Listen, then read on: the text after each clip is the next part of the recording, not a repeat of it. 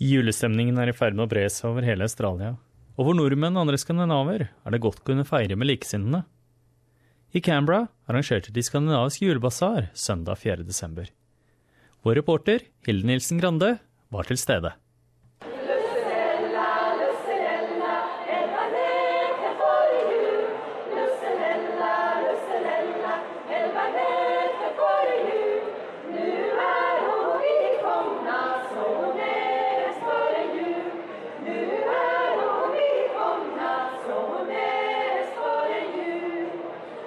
Julestemningen kom tidlig til Canberra i år.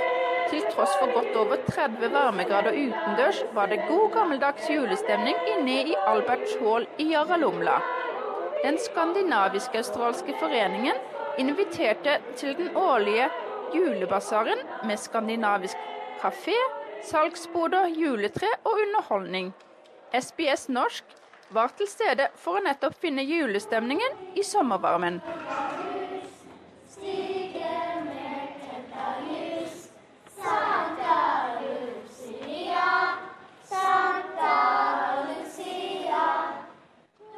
I'm standing here at the Scandinavian Christmas Bazaar with uh, Graham. He is the leader of the Scandinavian Australian Association. And Graham, how many years have you had this uh, Scandinavian Christmas Bazaar? This is the, the seventh year we've had what we've called a bazaar. Um, but the association and before it the Scandinavian Club and the, there was a Scandinavian Society as well goes back like 60 years or something. So, of course, we always had Christmas celebrations and, and like a Lucia, like we've just seen, and that kind of thing. We always did do that. But then I think it kind of evolved into this idea of something that we could throw open the doors to the general public to come along and enjoy as well. And then it means it can be a bigger event and, and you get more of a thrill performing at it, and the stall holders are happier. And it's, yeah, it's just like a way of contributing to the Canberra community and, and having a bit of a profile as an organisation. And can you tell us uh, what can you see and do uh, at the Christmas bazaar? Yeah, so so I, I always say that at the heart of it is our Scandinavian community Christmas celebration. So all the things that we would normally do, that we would have the foods and the the opportunity to buy things that you need for Christmas, and then we have like the Lucia, the children's Christmas procession, and we have the choir singing. We've got our dance group dancing. We've got a cafe and things. And so they're things we do if we had just a normal Christmas celebration. But then we also have stall holders, and all of them have a Scandinavian connection. Um, and most of them are local. Some of them have come in from Sydney and stuff. And um, previously we've had ones from Melbourne as well. And um, yeah, and it's just really. Um, having the opportunity to see things and taste things that you don't normally experience, and also for people who are Scandinavian to kind of relive and re- have the memories and stuff of Scandinavian Christmas. Have you ever been at Christmas in Scandinavia? Yeah, I have. I have uh, on a few occasions actually. Like I, I, um, I do remember the first time that I did, and uh, it was like in the 80s or something, and um, it was actually in Sweden. And um, and I remember having all of these moments where I went, oh, like this kind of like recogni- realization that that's where it belongs in the context of winter and all that kind of thing. And in Australia, we're kind of crazy and we do it in the middle of the summer and everything. But I, but I did kind of understand like how everything relates to the season of winter and the light and all that kind of thing and why you have candles and all that kind of thing. It was really good. But I've had like quite a few and just this Christmas just gone, we were in um, eastern Finland and then went up to Lapland as well, like in Christmas, New Year. So that was really nice. So what is the biggest difference between uh, celebrating Christmas in Australia compared to in Scandinavia? I think that in Scandinavia there's a big lead up to Christmas where it has lots of things and lots of activities and events and things that you can do. Whereas in Australia it's just kind of like rush, rush, rush, rush, finish work, bang, it's Christmas. And then you have this summer holiday and it's a very different dynamic. And, and I think the weather also contributes to it in Scandinavia that you've had this long period where the weather's maybe not so great and that you want you want to have something to celebrate, and so you do. So I mean that's the main difference. It's it's um I think in Australia it's suddenly Christmas. That's what that's what I feel. Yeah. What is the most popular, do you think, here at the Christmas bazaar? I I think it's different for different people. I think that everybody enjoys seeing the children sing. Um, I think that's like in terms of what the program we have, that's the highlight. I think that it's like nice gifts and things. People um, really enjoy baked goods and stuff. Like we've got like quite a number of actually Finnish. Um, pastries and cakes and that kind of thing. I think people enjoy that. They, they enjoy the opportunity to see things they wouldn't otherwise experience or things that may be a bit quirky and they learn about them. And yeah, I think yeah, it's hard to say what the best thing is, but um, yeah, yeah, different people say different things. Yeah. And I noticed on the Christmas tree, one of the Christmas trees you have here, you also have Scandinavian flags. Where did you find them? Yeah, so this, when, when I, I, mentioned that we were traveling for Christmas last year, it was like I was on a mission to find them and stuff. And so we, we actually found them in, in Gamla Stan in Stockholm. We found like, because everywhere you go, they're just like Norwegian flags or Swedish flags or whatever. But just to see this mix of Icelandic and Finnish and Norwegian and Danish and Swedish, it was great. So I bought them all.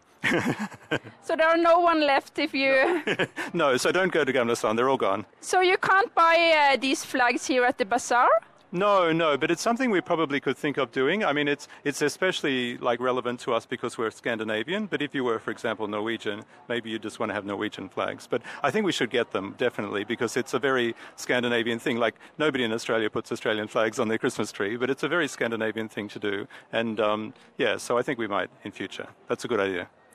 Good luck uh, with the rest of your uh, bazaar and uh, have a Merry Christmas from SBS Norwegian. Thank you so much, and Merry Christmas to you, Hilda. Thanks.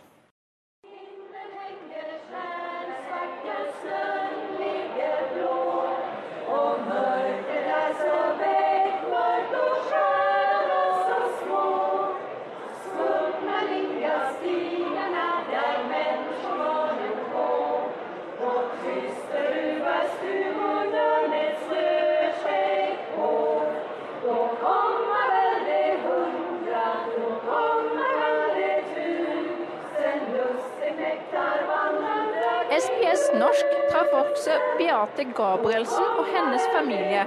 De var også på jakt etter julestemningen i sommervarmen.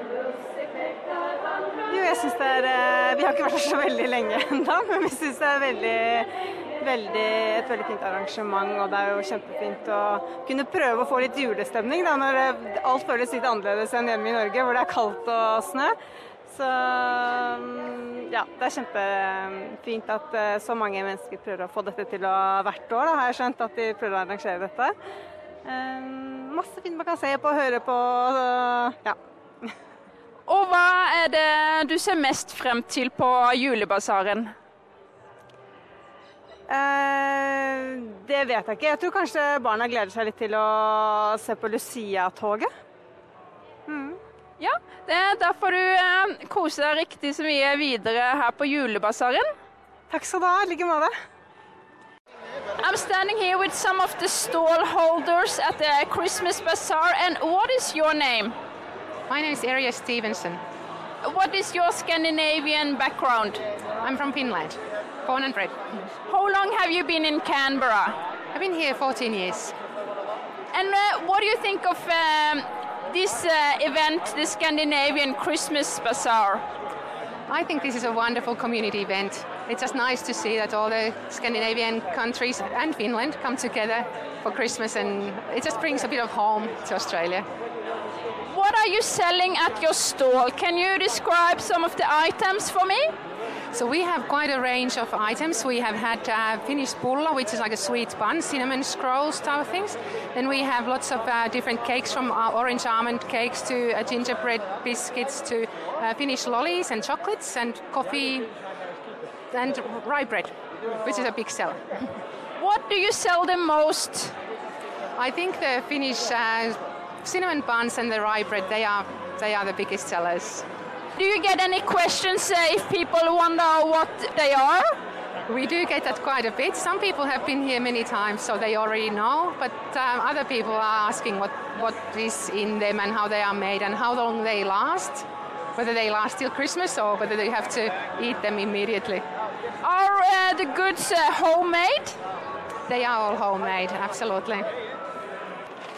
What do you think is the highlight for you at the Scandinavian Christmas Bazaar? I think it's just meeting new people and explaining to them about the Scandinavian Christmas or the products that we have and just coming together for Christmas. That's the best thing for me. Thank you very much for uh, talking to SBS Norwegian and Merry Christmas. Thank you. Merry Christmas and God